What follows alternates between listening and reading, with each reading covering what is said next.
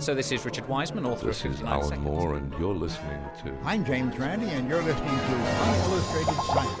Så du, du leker jo Nei, du leker ikke Gud. Kan eh, kurere kreft om fem år. For meg så er vel det her like nyttig som homøopati. Forskningsnytt. Altså, jeg kan ikke lage en hårete planet. Nei, nei. Uillustrert vitenskap.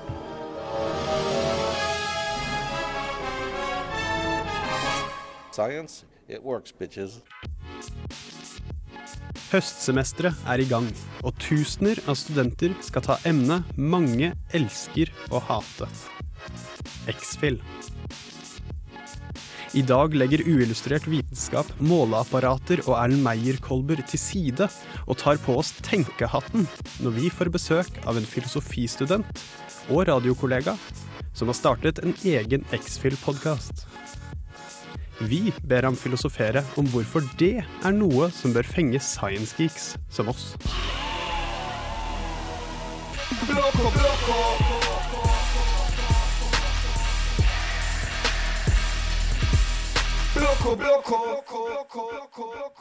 Sommerferien er over, det er torsdag, klokken er fire, og det kan selvfølgelig ikke bety noe annet enn at du lytter til Radio Revolt. Programmet er uillustrert vitenskap. Vi er tilbake. Mitt navn er Oleivind Sigrud, og med meg har jeg som alltid Jeanette Bø. Hallo, hallo. Den eh, litt våkne lytteren eh, kan kanskje da fatte at uh, Turi Haugland ikke er med oss. Den sniken har flytta til Canada, av alle ting. Jeg vet ikke hvor. Ja, uhørt. Ja, Hun har flytta til granskog og elg. Det blir eksotisk. Men det kan vel egentlig bli gode nyheter for en av våre lyttere, kanskje? Ja, Fordi vi trenger jo en eh, medarbeider til. det stemmer. Eh, Vi trenger faktisk en skikkelig nerd. Men som er noenlunde oppegående. Det er også et krav. Ja. Og det, det er egentlig alt. ja. Digger du vitenskap? Har du lyst til å snakke om det på radio sammen med Jeanette og meg? Så gå inn på samfunnet.no slash opptak. Der finner du en stillingsannonse, og den kan du søke på.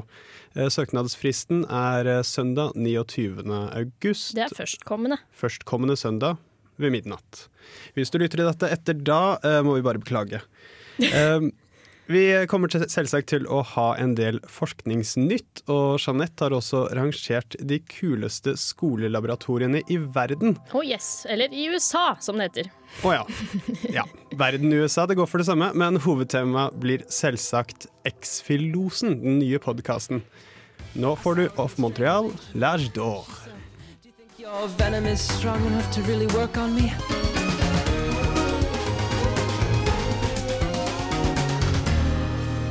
Uillustrert vitenskap. Radio Revolt. This is Charles L. Bennett from Johns Hopkins University. Science, it works, bitches. Det gjør det så sannelig, og nå skal vi kanskje få svar på om filosofi funker like bra. Fordi vi har nemlig fått eh, besøk av eh, Håkon Berg Mathisen fra den nye podkasten X-Filosen. Velkommen skal du være. Tusen takk. Du lager jo ikke den podkasten helt alene, det er jo sammen med Mikael Amundsen. Det stemmer. Og med Filosofisk institutt ved NTNU på laget. Oh. Eh, For eh, de gamle lytterne våre så er Mikael Amundsen kanskje et kjent navn. Han eh, var jo med her i Uillustrert eh, for en god del år tilbake. Men eh, hvorfor skulle dere lage en podkast om X-Fill? Altså Både Mikael og jeg studerer jo mer eller mindre filosofi og syns det er morsomt. eh, Og ser jo det at eh, X-Fill eh, for mange er en sånn kjip greie. De må gjennom, eller de tenker at det er en kjip greie, og det tror vi kommer litt av bl.a. angrepsvinkelen til X-Fill. Altså Du har en bok som pløyer sånn, skummer gjennom hele filosofihistorien, og på en måte glemmer å klare å formidle det her budskapet som er eh, hva, hvorfor man egentlig lærer. Og det er jo det her med å som en, en akademiker eller vitenskapsperson, så må du eh, tenke selv. Så hvordan skal dere angripe X-Fill?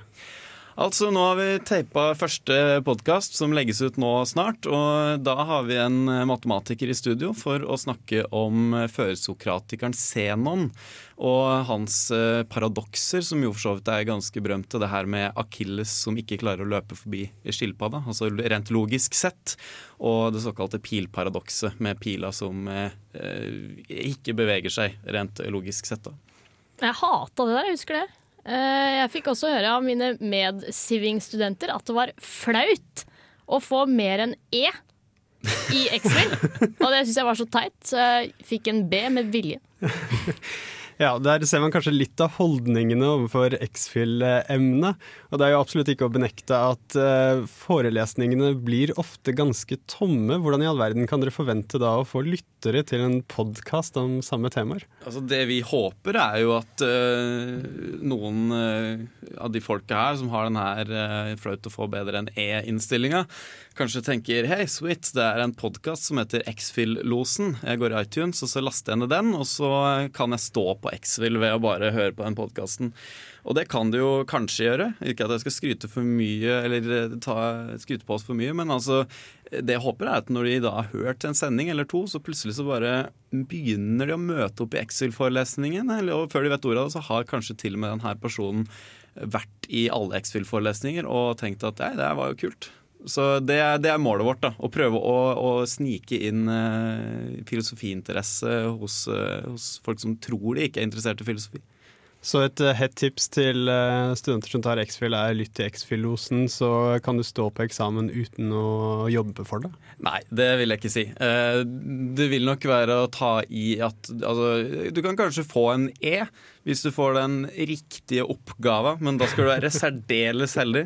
Eh, Du må nok eh, lese litt på egen hånd. Altså, X-filosen er ment som et, eh, et litt lettbeint supplement. Da, altså en slags forrett til hver eneste X-fil-forelesning. Vi håper jo å kunne ha denne podkasten ute litt i forkant av hver forelesning, sånn at du kanskje kan eh, få en liten smakebit på hva som venter deg i forelesninga, og på den måten klare å sette det litt mer i sammenheng. Altså hvorfor er det egentlig interessant med eh, la oss si noe sånn som Zenon eller førsokratikerne? Hvorfor i alle dager gidder vi å bry oss om det? Og jo, det er jo fordi det er starten på den moderne vitenskapen. Altså det her skillet mellom eh, det tenkte intellektet hos mennesket og altså det her eh, dyriske gjennom sansene. Det klisjéaktige, kanskje mytos til logos, som jo er, smaker litt vondt i kjeften, egentlig.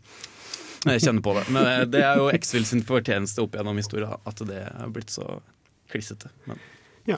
Du blir eh, sittende her, vi skal snakke mer om X-Fill-losen, X-Fill og hvorfor i all verden dette er interessant for sånn hare, hardbarka empirikere som oss, eh, etter vi har hørt Bon Iver med 'Towers'.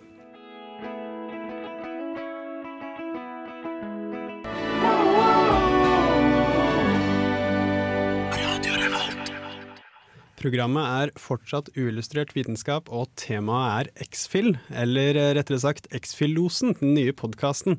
Og Håkon, eh, som jeg eh, for så vidt begynte på rett før låten, hvorfor skal sånne science geeks som oss, som liker vitenskapelige oppdagelser, elegante eksperimenter og hypoteser osv., hvorfor skal vi bry oss om filosofi og X-Fill-pensumet? Altså Hvis du er så uh, trangsynt at, uh, og så reindyrka empiriker uh, at du føler at du ikke kan nedverdige deg til å fordype deg litt i filosofihistorien, så er du en veldig dårlig student, uansett hva du studerer. Derfor, eh, Det bør være i hvert fall én god grunn. Det blir litt som en, en musiker som sier at nei, jeg er overhodet ikke interessert i eh, noe som helst som har skjedd innenfor eh, musikken før 1950. Klassisk musikk er ikke interessant i det hele tatt. Så jeg tror jeg aldri Jeg driver med musikk, og jeg tror jeg aldri har møtt en, en musiker som jeg kan si liksom at ja, okay, det her er en, en musiker som, som har noe å komme med, som på en måte Som faktisk sier at han eh, er historieløs. Eh, Og litt det samme er det innenfor alle vitenskapsgrener. At eh, filosofene opp gjennom tida er jo de som har eh, grunnlagt all vitenskap. Altså Det var jo bare så å si nylig at det er et, kom et skille mellom vitenskapsmannen på den ene sida og filosofen på den andre. Altså, eh, nå snakker vi i stad om Zenon og førsokratikerne, som er den spede starten her på det, her, på det hele. Og så kommer Aristoteles og pow, kjører i gang eh, vitenskapen på mange måter. Og så opp gjennom historia så har vi jo da f.eks. Eh, mennesker som Descartes, som jo er veldig berømt. Han med gudsbeviset, er det ikke det? Blant annet et gudsbevis som er litt tvilsomt. Han eh, fundamenterer jo hele, altså all kunnskap på den ene troen på at Gud må finnes. Det, kommer, det skal vi ha en egen sending om senere i X-filosen. Men eh, Descartes var jo også en altså Han var først og fremst matematiker. Eh, Så han eh, har jo kommet med uvurderlige bidrag til matematikken. Og, så er jo han blitt berømt som filosof bl.a. pga. at han har en, eh, han drar hele den her filosoferingen om hva som eksisterer, da, hva vi kan vite. Altså Han drar på en måte det epistemologiske da, et, enda et level up. da. Og det har han blitt kjent for, da, bl.a. populært framstilt gjennom The Matrix, f.eks., som er denne problematikken eh, hva kan jeg vite er virkelig, osv.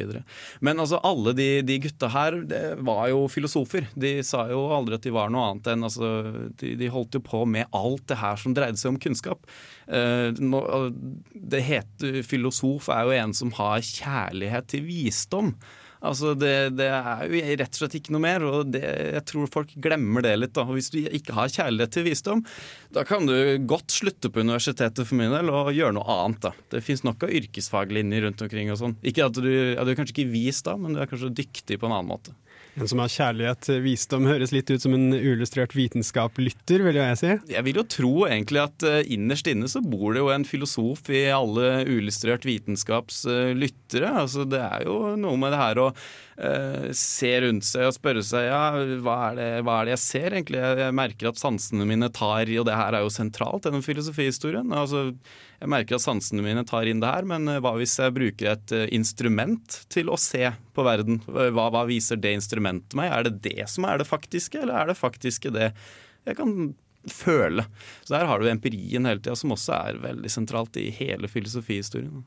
Du snakket litt om et sånt skille mellom vitenskapen og filosofien. og eh, litt, Hvordan oppsto det egentlig? Ja, godt spørsmål. Altså, man kom jo ut på Vi snakker jo 1700-1800-tallet her, før det begynte å virkelig eh, få den her splittelsen. da. Eh, Og det kom vel eh, bl.a. med den vitenskapelige, altså industrielle revolusjonen, og man fikk instrumenter til å måle mer nøyaktig og sånne ting. Og så fikk man jo altså, grener som gikk mer og mer spesifikt ned i fagområder. Matematikeren ble matematiker, og filosofen ble plutselig bare en filosof. Og nå som det skillet først eh, nå er der, da. Hvorfor trenger vitenskapen filosofen i dag?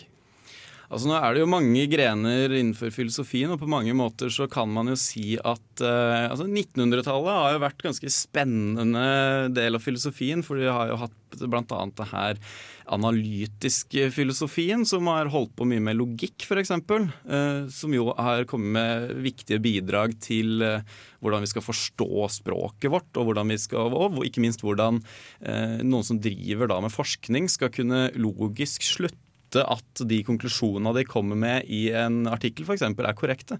Og Der er jo kanskje filosofer ekstra viktige i dag eh, som eh, egen gruppe med mennesker. Altså som et slags kontrollorgan, nærmest for overfor andre personer som driver med forskning. Altså Lese en artikkel og si ja, men eh, det følger ikke av premissene dine, rett og slett. Den konklusjonen din. Og det kan jeg vise deg, fordi ifølge logikken så, så stemmer det her ikke, f.eks. Uh, en sånn rolle for eksempel, kan, kan en, en filosof i dag ha. det. Dere hadde jo eh, første episode i dag, og da hadde dere ikke besøk av en filosof, men en matematiker, eh, Harald Hanke Olsen. Det stemmer. Eh, Vi har faktisk en eh, liten eh, teaser av eh, det dere tok opp der, så la oss høre den. Matematikken er i utgangspunktet en rent tankeprodukt. Så på en måte kan du si at matematikken egentlig ikke uttaler seg om den fysiske verden i det hele tatt. Men sånn sett så er det jo i matematikkens språk at eh, Zenon må bli svart. Fordi som vi hørte tidligere her, hvor Matersvedt annet, og du Mikael nevnte at det som var essensielt med de her førsokratiske tenkerne, var jo det her skarpe skillet mellom eh, det menneskelig tenkte og det vi sanser. Ja, nettopp. Altså det, det de vil, det er jo si det virkelige i ordet, altså logos. Dere har sikkert hørt uh, fra mytos til logos. Og, og vår tids logos, det er matematikkens språk. Det høres ut som en samtale jeg har lyst til å høre slutten av. Og begynnelsen, for den saks skyld. Da må du sjekke ut X-Fill-losen sin podkast. Nå tar det noen dager før vi får det her ut i iTunes og hele byråkratiet på internett for orden på seg. Men inntil videre så kan man jo gå inn på facebook.com skråstrekk xfill i ett ord. Og der er da fansida vår, eller sida hvor du kan bli fan. Vi skal passe på å linke til den eh, Facebook-siden fra vår egen Facebook-side. Facebook.com slash uillustrert, eh, tror jeg det er. Eh, tusen takk, Håkon, for at du kom hit og snakket om X-Filosen. Nå skal vi få høre en låt fra Wugazi. Det er en mashup-album av noe så spennende som Wu-Tang Clan og Fugazi. 90-talls herlighet, altså. I grew up on the crime side, the New York Times side.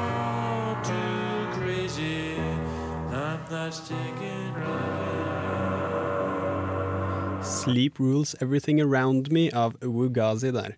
Flott mashup, og det er et helt album fullt av slike mashups eh, mellom Wu-Tang og Fugazi, tilgjengelig gratis på nettet.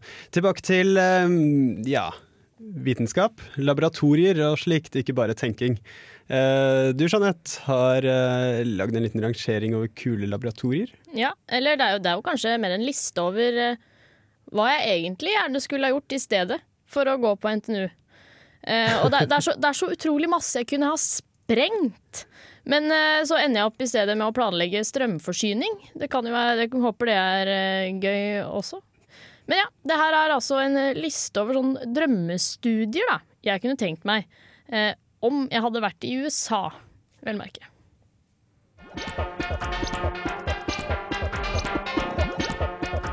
Uillustrert vitenskap presenterer USAs topp ni kuleste skolelaboratorier. På niendeplass finner vi US Geological Survey, Hawaiian Volcano Observatory.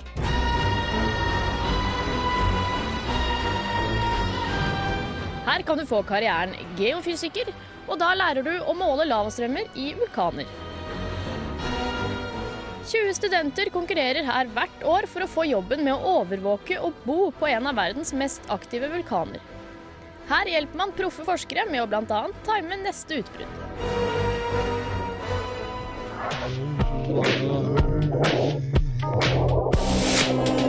På åttendeplassen går til Massachusetts Institute of Technology. For om du tror at studentlivet er kun lek og moro, så stemmer det. Hvis du er en av de 90 heldige som har fått plass ved MITs Toy Lab. Her kan du oppnå karrieren som lekedesigner, og her lærer man å bygge leker og teste de på barn. Hver vår får 15 grupper 750 dollar for å lage sin egen leke.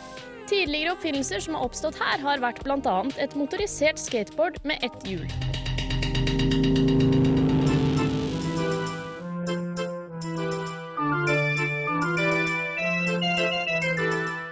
Sjuendeplassen går til Cornell University Game Design Initiative.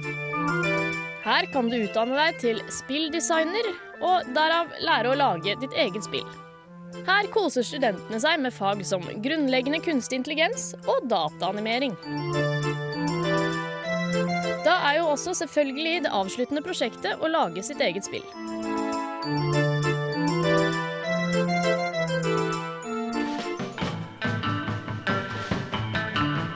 Det sjette kuleste skolelaboratoriet i USA er ved Texas Tech. Og laboratoriet kalles Wind Science and Engineering Research Center, eller lettere WISE. Her kan man bli atmosfæreforsker, og da lærer man å slenge planker i veggen for å måle skadeomfanget ved en orkan. I tillegg til å skyte forskjellige prosjektiler slenger studentene også seg selv inn i orkaner og tornadoer. Før Katrina slo til, var studenter på Texas Tech på stedet og satte opp måleinstrumenter. Og deres instrumenter ville vise seg å være de eneste instrumentene som overlevde uværet. Nå jobber de med å bygge bygninger som kan klare seg bedre under neste Katrina.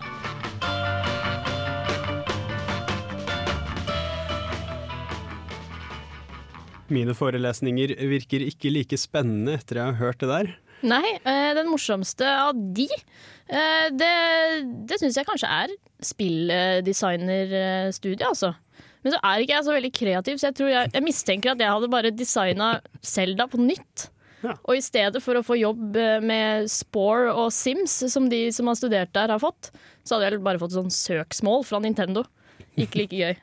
Ja, nei, Vi får tipse NTNU om å skaffe seg litt flere slike laboratorier. Eh, Vi skal få mer forskningsnytt før vi får høre de aller kuleste laboratoriene etter Neon Indian med Fallout.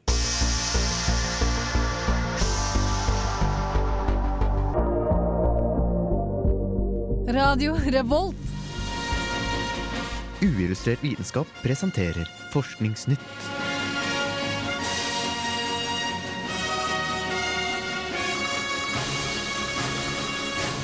Forskningsnytt.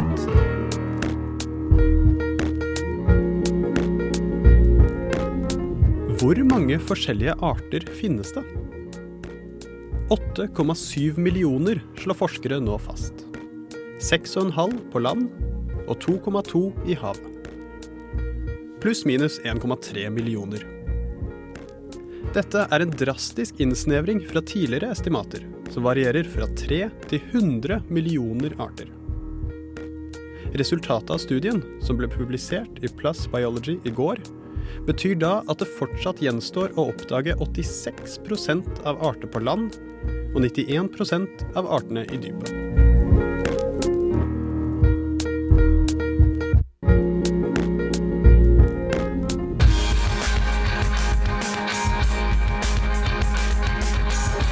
Svineinfluensaen, og ikke vaksinen, kan utløse narkolepsi. Dette påstår forskere ved Stanford. Ifølge deres studie er det en sterk sammenheng mellom narkolepsi og luftveisinfeksjoner som influensa A og streptokokker. Med andre ord kan de nye begrensede retningslinjene rundt svineinfluensavaksinen kanskje føre til enda høyere narkolepsirate. To meksikanske professorer ble nylig skadet av en brevbombe sendt av en antiteknologisk gruppering ved navn Individualities Tending Toward Savagery. I deres manifest vies det stor plass til å utpeke nanoteknologi som den største trusselen mot menneskeheten. Angrepet er antatt å ha en kobling til en tidligere brevbombe som også ble sendt til en nanoteknologiforsker i Mexico. Den gangen var det derimot en sikkerhetsvakt som åpnet pakken, som slapp unna med mindre skader. Andre nanotech-angrep har skjedd i Spania, Chile og Frankrike. Men det er usikkert om det er samme gruppering som står bak. En sveitsisk gruppering ble også nylig dømt for å planlegge å bombe en av IBMs nanolaboratorier. 8,7 millioner arter. Ja, eh, Det er ikke verst. Hvordan har de eh, kommet fram til det her? Har de telt mye bedre enn sist?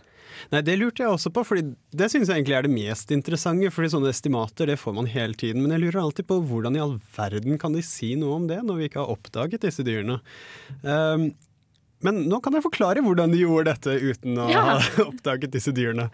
Um, de eh, tok utgangspunkt i registeret over alle kjente arter.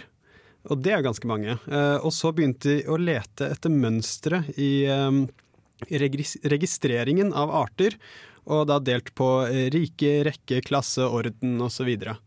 Og så la de merke til at det var et mønster. Eh, Det var bestemte sånn forholdet mellom antall arter i de forskjellige rikene, rekkene, klassene, orden osv. De, de var veldig konsistente på tvers av forskjellige riker og rekker og klasser og ordener. Eh, Så ut ifra det så kunne de da eh, beregne en øvre grense på manglende arter. Ah. Eh, Så maksimalt antall arter som vi ikke vet om ennå, det var da basert på antall registrerte arter de siste 250 årene. Og det virker for meg litt rart at det skal fungere, fordi hvordan vet vi at ja, det vil fungere? Eh, jo, nei, det de gjorde da var jo å teste denne metoden på eh, grupper som er veldokumenterte, som vi vet mye om. Og eh, da spyttet den ut helt riktige svar. Så eh, basert på det så sier de at 8,7 millioner, pluss minus 1,3 da, eh, er antall arter i verden. Ja, for jeg har hørt at, at det, har vært arter som har vært registrert flere ganger med forskjellige navn. Og, så det har vært mye tull i de beregningene de har gjort tidligere. Ja, når det varierer mellom 3 millioner og 100 millioner, så, så, så er vel det et tegn på at det er ganske vanskelig å estimere. Ja. Over til eh, enda mer eh, vaksinenyheter. Eh, Det, det bare slutter aldri. Eh, Det har jo vært veldig mye styr eh, nå i løpet av sommeren om eh, narkolepsi og svineinfluensavaksinen. Er det en link der? Fordi jeg la merke til en korrelasjon mellom da narkolepsi og svineinfluensavaksinen i Finland. Nå slår Stanford-forskere fast at nei, den sammenhengen er med svineinfluensaen, ikke vaksinen. Fordi de reagerte på at de la merke til samme økning i Kina. Og der hadde de fleste ikke tatt vaksinen. Og de som hadde tatt vaksinen, hadde tatt en annen vaksine som ikke har den adjuvanten, som da eh, gir en større immunrespons, eh, som da var mistenkt til å trigge eh, narkolepsien. Så da undersøkte de da 906 pasienter eh, fra det området i Kina som da hadde narkolepsi, og eh, la merke til at selv i årene før svineinfluensavaksinen, så var eh, anslaget av narkolepsi sesongbetont. Eh, det var eh, en veldig sånn dal i november. Det falt antall nydiagnosterte eh, narkolepsitilfeller i november, og så økte de i april. Eh, Så de la merke til at det var en spike i antall narkolepsitilfeller mellom fem og syv måneder etter influensaen. Eh, Og ut ifra det så konkluderte de da at eh, det er influensaen som forårsaker, eh, eller som trigger narkolepsien, og ikke vaksinen. Og det er jo en del som da har satt i gang liksom begrensninger i bruk av disse vaksinene i frykt for denne narkolepsien, og da sier jo disse forskerne at det kan jo ha akkurat motsatt effekt. Det kan jo føre til flere narkolepsitilfeller. Vi skal snakke litt mer om denne nanoterroren, eh, men jeg har lyst til å høre litt sånn country av Gillian Welch med The Way It Goes. Johnson bought the farm, put a needle in her arm. Though there was a time when you and I were friends. Hi. Uh, the compression and expansion of the longitudinal waves cause the erratic oscillation, you can see it there, of the neighboring particles. Uillustrert vitenskap. Du lytter til Uillustrert vitenskap her på Radio Revolt. Og eh, vi snakker om forskningsnyheter, og en sak vi la veldig merke til, var denne disse brevbombene som ble sendt til nanoteknologiforskere. Det virker spesielt. Det er en gruppe som har eh, sagt at de står bak. Man vet ikke om det er en gruppering eller om det er en ensom idiot som kaller seg en gruppe. Eh, men eh, som vanlig så har de jo skrevet et manifest. Ja, det er Dette- veldig inn om dagen, disse manifestene. det er det, og de her òg sier at de er inspirert av Junabomberen, og de er jo ganske åpenbart når de driver og sender brevbomber til forskningsinstitutter. Um, Veldig men i- gammeldags. ja, litt gammeldags, men, eh, men. men. Eh, I dette manifestet så skriver de eh, masse om nanoteknologi og hvor forferdelig dette er. De skriver da blant annet at videre forskning på nanoteknologi vil garantert lede til selvreplikerende nanokuborger. Eh, cyborgs, altså. Eh, jeg vet ikke om cyborgen er på nanoskala, eller om de er svære bygget opp av små partikler. Men de er selvreplikerende og vil da utslette menneskeheten. Noe sier meg at de her har sett litt for mye Terminator og på en måte virkelig blitt redd for Skynet. Ja, ja, det kan høres sånn ut. Men eh, over til litt sånn alvor så er jo egentlig dette ganske skremmende. Det er eh, absolutt ikke sjeldent at man ser slike mm, antivitenskapelige, antiteknologiske holdninger som er, eh, ser med bekymring på den teknologiske utviklingen, som jo gjør at vi kan leve lengre, leve behageligere, redde flere liv osv. Forferdelige Dette her er forferdelige greier som må stoppes. Eh, jeg er litt sånn urolig over, den, eh, over de holdningene, men vi kan jo eh, eh, prise oss heldige med at det ikke er så utbredt. Eh, Men Jeanette og jeg, vi, eh, vi har jo faktisk eh, følt eh, resultatene av slik eh, antiteknoterror på kroppen da vi var på Cern, gjorde vi ikke det? Ja, det, det var jo aldeles forbasket, fordi vi, vi trippa og gleda oss til å få se serverrommet på, på Cern, da. Monsterrom. Men det eneste vi fikk lov til, var å stå i vinduet og titte inn. Fordi det viste seg at det hadde vært en eller annen, sikkert en kristen tulling som var redd for sorte hull. Som hadde spasert inn på serverrommet der, som normalt sett er eh, åpent for besøkende. Og dratt ut en ledning! Åh, Forferdelig. Og eh, resultatet var at vi måtte faktisk stå bak et vindu. Ja. Det, ja. det er håpløse greier. Eh, vi skal tilbake til den eh, rangeringen av kule laboratorier som eh, forhåpentlig ikke blir utsatt for terror. La oss høre det nå.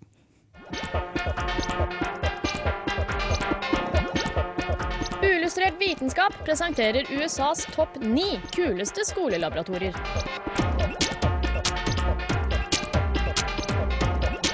USAs femte kuleste skolelab er ved University of California. Og her har de et bryggeri. Her kan man jo da bli bryggerimester, og da lærer man jo å brygge god øl. Kurset ender med en god gammel ølbryggekonkurranse, der dommerne er gamle, kjente ølbryggere. Skolen er på førsteplass blant amerikanske universiteter i å publisere anerkjente artikler innenfor matvitenskapen.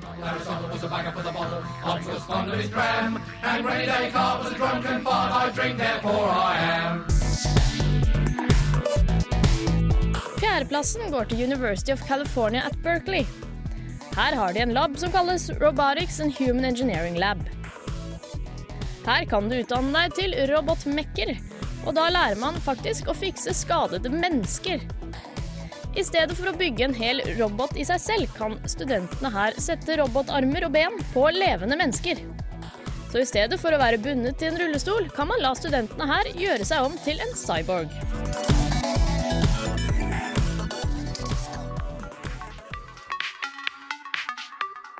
Tredjeplassen går til University of Alabama at Huntsville. Her har de nemlig Propulsion Research Center, og her kan man bli rakettforsker. Og der lærer man å få ting til å gå veldig fort og veldig langt. Her får ingeniørstudenter hvert år åtte måneder på seg til å designe, bygge og sende opp en egen rakett. Hvilket innebærer å bl.a. leke med eksplosiver hver dag.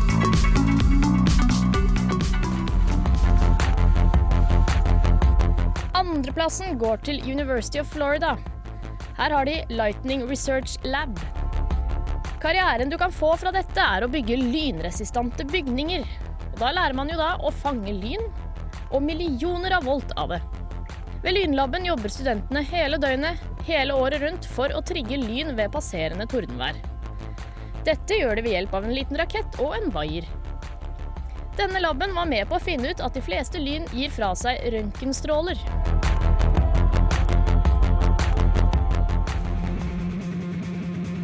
Og det kuleste skolelaboratoriet i USA er ved Missouri University of Science and Technology. Her har de en egen gruve for eksperimenter.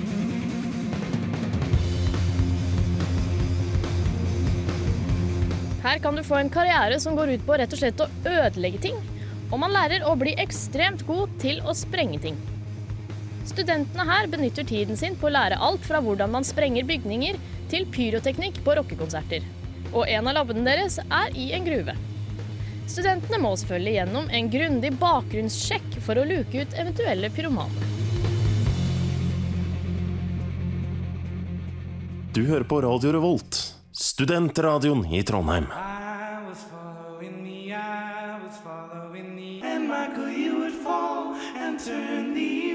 Snow red as strawberries in summertime. Så radikale og eksperimentelle er Radio Revolt at vi spiller White Winter Hymnal av Fleet Foxes om sommeren. Ja, Det ble nest siste låt her i Illustrert, for vi begynner å gå litt tom for tid. Men vi har jo fått veldig mange kule studietips av Jeanette. Ja, ja. Og i hvert fall eh, Lynlaboratoriet i Florida kom jo på andreplass, mest pga. et helt fantastisk bilde av, eh, av laben idet det fanger et lyn. Det er helt utrolig fint. Og det har jeg tenkt å legge ut på Facebook, selvfølgelig. Det er absolutt noe av det kuleste jeg har sett eh, denne måneden. For om studentene er skikkelig heldige, så vil de bare få tak i 40 lyn i året eller noe sånt. Men det er verdt det, altså, hvis man får se sånn Jeg vet ikke hvor lenge et lyn varer, jeg, men hvis du får se det vakre synet så lenge. De lagde jo også andre ting enn bare pyroteknikk og eksplosjoner i den der hulen. Ja, eh, sprengelaben i eh, Missouri, eh, den, eh, der lærer de også å designe fyrverkeri. Og det er ganske drøyt når du lærer både pyroteknikk på rockekonserter og sprengehus og fyrverkeri. Der vil jeg studere. Du lærer alt. Eh, Du har hørt på Illustrert vitenskap. Vi har eh, hatt eh, besøk av eh, Håkon Berg Mathisen fra X-Filosen. Eh, sjekk ut den på eh, Facebook, og eh, last den ned når eh, den endelig er ute i iTunes. Eh, Du kan også laste ned Illustrert vitenskap i iTunes og tipse alle dine venner om å gjøre det samme. Vi har også en Facebook-side og finnes på Twitter med navn Uillustrert. eh, Og der skal vi være litt mer aktive og spennende fremover i semesteret. Ja, vi er generelt overalt. Ja. Og det er vel eh, Filmofil også. De er i hvert fall eh, etter oss nå. Ja.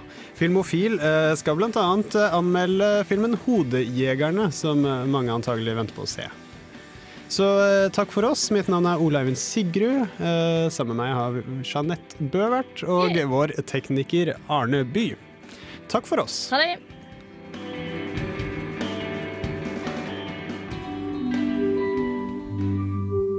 Uillustrert vitenskap er Midt-Norges eneste teknologimagasin på lokalradio. Og vi snakker om alt fra populærvitenskap til sære forskningsprosjekt ved NTNU. Radio Revolt, studentradioen i Trondheim, er stolt av å kunne presentere podkaster fra de aller mest populære programmene våre. Hvis du har lyst til å høre mer fra Radio Revolt, hvem vi er og hva slags musikk vi spiller, så kan du høre oss på FM-båndet i Trondheimsregionen, eller streame sendingene våre live på radiorevolt.no.